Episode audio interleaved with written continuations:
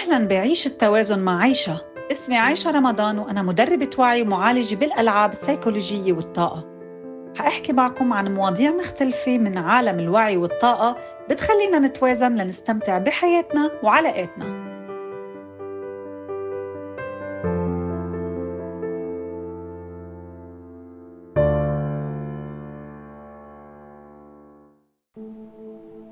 أول شي بدنا نتفق ونستوعب إنه ما فينا نغير اللي صار بالماضي تبعنا. وكمان ما فينا نتحكم بكل شي بحياتنا الخارجية مثل ظروف البلد أو تصرفات الناس حولنا. بس الشيء الوحيد يلي نحن فينا نتحكم فيه هو ردات فعلنا ومشاعرنا تجاه الأشياء. ممكن كمان نقول إنه الشيء الوحيد يلي فينا نتحكم فيه هو حركتنا. من أي زاوية نحن عم نطلع بالأشياء. وهي قوة بحد ذاتها. قوة بإنه يكون عنا مفاتيح مشاعرنا. أينتا ما بدنا منفرح؟ أينتا ما بدنا منزعل؟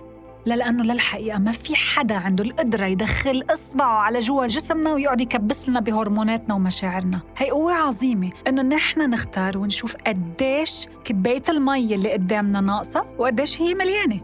لأنه بالحقيقة ما حدا بيقدر يتحكم بهالمفاتيح إلا نحن. وطبعا إلا إذا نحن سلمنا مفاتيحنا لحدا تاني.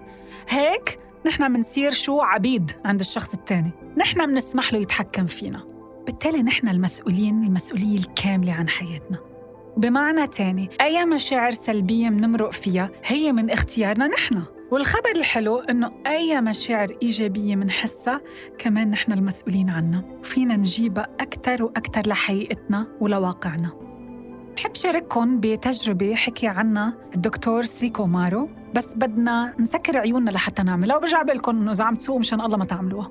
عدوا صفوا بس توصلوا اعملوها حتفيدنا كتير كتير مع إنه هي كتير بسيطة. خلينا نغمض عيوننا ونتخيل هذا السيناريو مع مشاعر. خلينا نقول إنه نحن مثلا علقانين بعجقة سير بطقس كتير فطيس بعز دين آب بيقولوا له شهر 8 آب ورطوبة وقرف وملزقين والسيارة مكيفة ما عم يشتغل. معلش خلينا نروح على هال إن شاء الله جبرني معلش طولوا بالكم. ومتأخرين على موعد كتير مهم. وبهالاثناء تيجي السيارة بتقطع علينا الطريق لحتى تاخد آخر parking متوفر تحت البناية اللي نحن عنا موعد فيها. هلأ معظمنا حيتضايق. ممكن نتضايق شوي. وجزء كتير كبير منا حيعصب كتير. ممكن يكون بده يعمل مشكل. طب إذا عرفنا إنه هيدا الشخص يلي أخذ ال parking تبعنا كان عنده ظروف مش حلوة أبداً.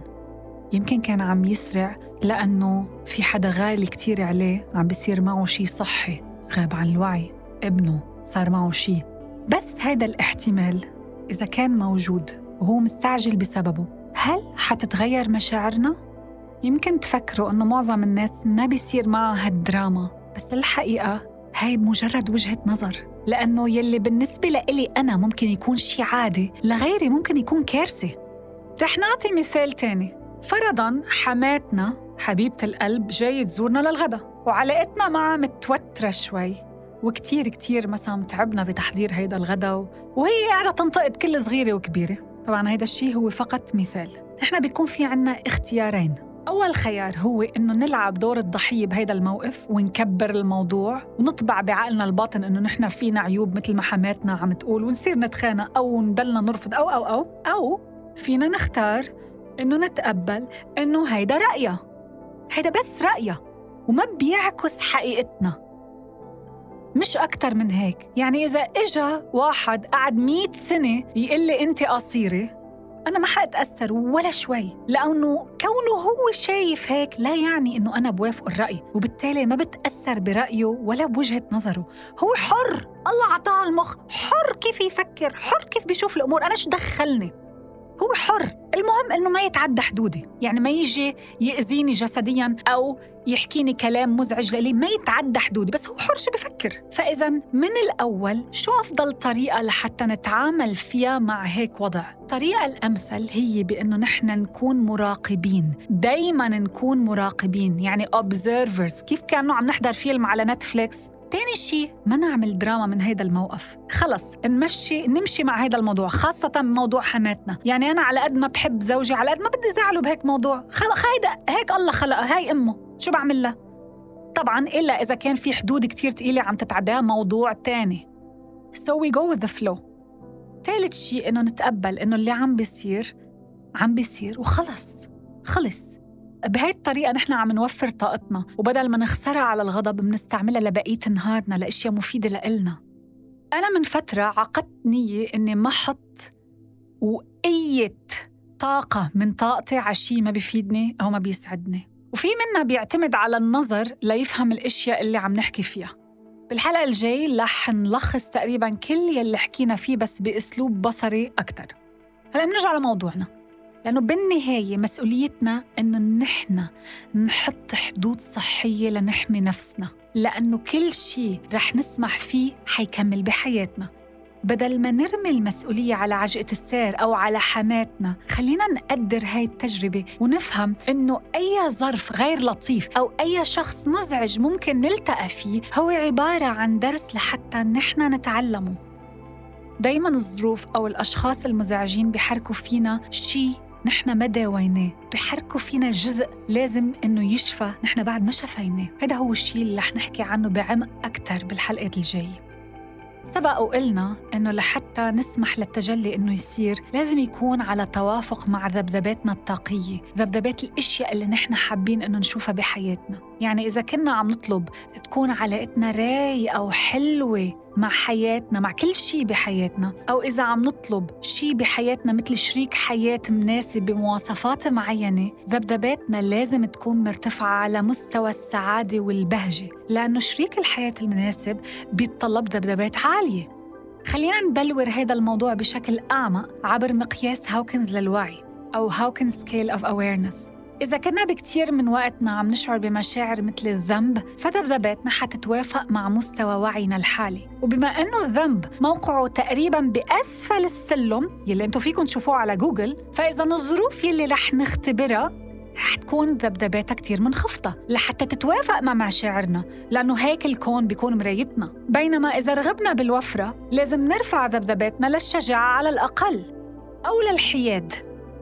هلا اللي نحن بنتمنى الوصول له معظم الوقت هو حالة الحب والبهجة لأنه ذبذباتهم كتير عالية وبالتالي بيجذبوا لنا ظروف أحلى بكتير كإنعكاس لإلهم. خلينا نقول إنه الامتنان هو أصلاً جزء من حياتنا. بتضل فكرة كتير منيحة إنه دايما نعيد تمارين الامتنان لأنه الامتنان دايما بيكون له تأثير عظيم على حياتنا. الامتنان مش بس بيرفع من ذبذباتنا وطاقتنا بل هو كمان له تأثير كتير كبير على أي ظرف وأي مشكلة ممكن نكون عم نمر فيها. يعني مثلا إذا كنا عم نواجه مشكلة معينة شيء الحلو إنه نعمله بهيدا الظرف هو إنه نكتب لايحة بعشر أشياء نحن ممتنين إلها تحديدا بخصوص هيدا الظرف أو هاي المشكلة يلي عم نمر فيها.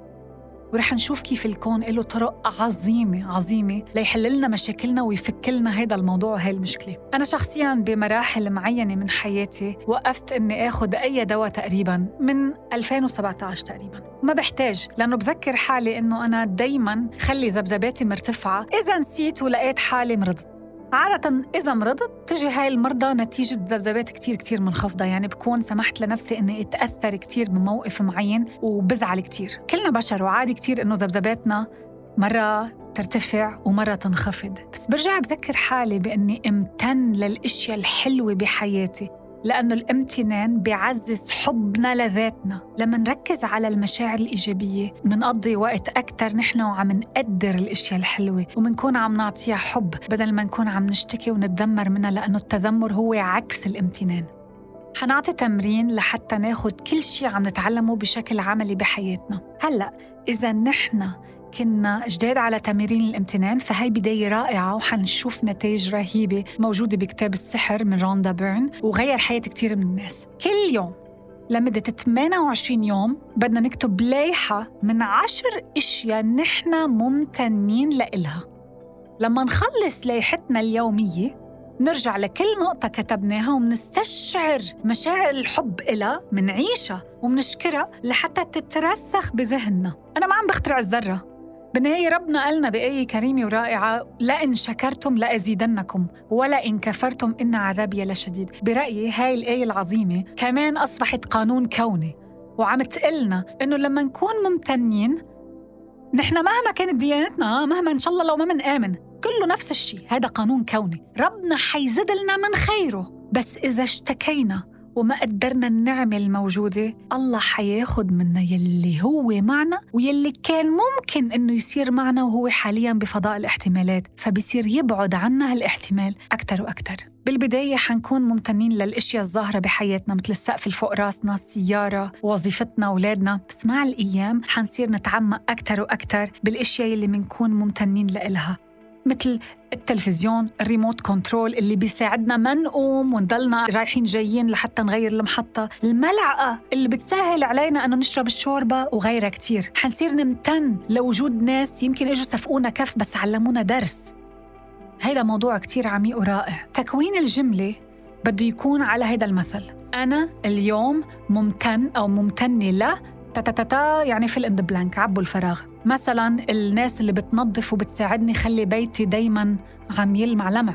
هلأ رغم ارتباطهم إلا إنه ضروري جدا جدا نشكر الأشياء والأشخاص يلي عم ينذكروا لأنه شكر الله اللي هو عم يعطينا هيدا العطاء موضوع وهو umbrella لكل شيء تاني. وشكر هاي الأشياء موضوع كتير كتير مختلف. حنبقى نحكي عنه أكثر لما أشرح عن تجارب الرز. ليلي حابين يطبقوا تمارين الامتنان كاملة مش بس اللي أنا ذكرته. ممكن تشتروا كتاب السحر ال Magic أو تتبعوا تمارين الامتنان الموجودة عندي بال highlights على إنستغرام عايشة رمضان A I I S H A رمضان كلمة واحدة لأنه في خطوات يومية شخصياً علقت فكرة الامتنان براسي. ولكن ضروري ننتبه إنه الامتنان ما بيشتغل مع الكل بنفس الطريقة. يعني ليلي عم بمروا بمواقف كتير صعبة أو severe. يعني مثلا عندها شريك حياة مؤذي جسديا وبيضربها. بدل ما تمارس الامتنان ضروري إنه تروح برحلة اكتشاف وتفكير وتشوف شو عم بيصير جوا كمراقب تعالج هيدا الموضوع لأنه لازم نتعلم الدرس الكبير من وجود هيك زوج بحياتنا. والدرس دايما بتكون نتيجته حلوة ولو إجانا بطريقة صعبة. في ناس بتقدر تقوم بهاي الرحلة لوحدها وفي ناس حتضطر تاخد جلسات وتاخد مساعدة من كوتشز أو من معالجين واللي هو فعليا بيقطع عليها شوط كتير كبير وبخليها تسمع القصة من ناحية كتير مختلفة. عادة هي ما كان عندها استعداد تشوفه. مؤخرا قدمت ملف كامل وعميق كتير كتير مجاني عن أهم دروسنا من علاقاتنا تحديدا الرومانسية. فيكم تتواصلوا معي عبر الإنستغرام لحتى تحصلوا عليه ويمكن أبقى أقدمه على البودكاست بالمستقبل.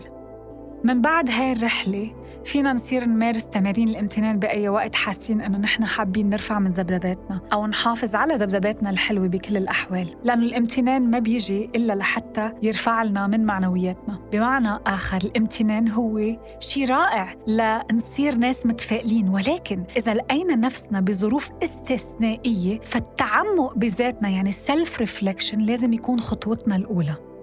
وبالحلقة الجاي رح نحكي عن تاني أروع وسيلة مضمونة لحتى تساعدنا لنرفع ذبذباتنا وطاقتنا.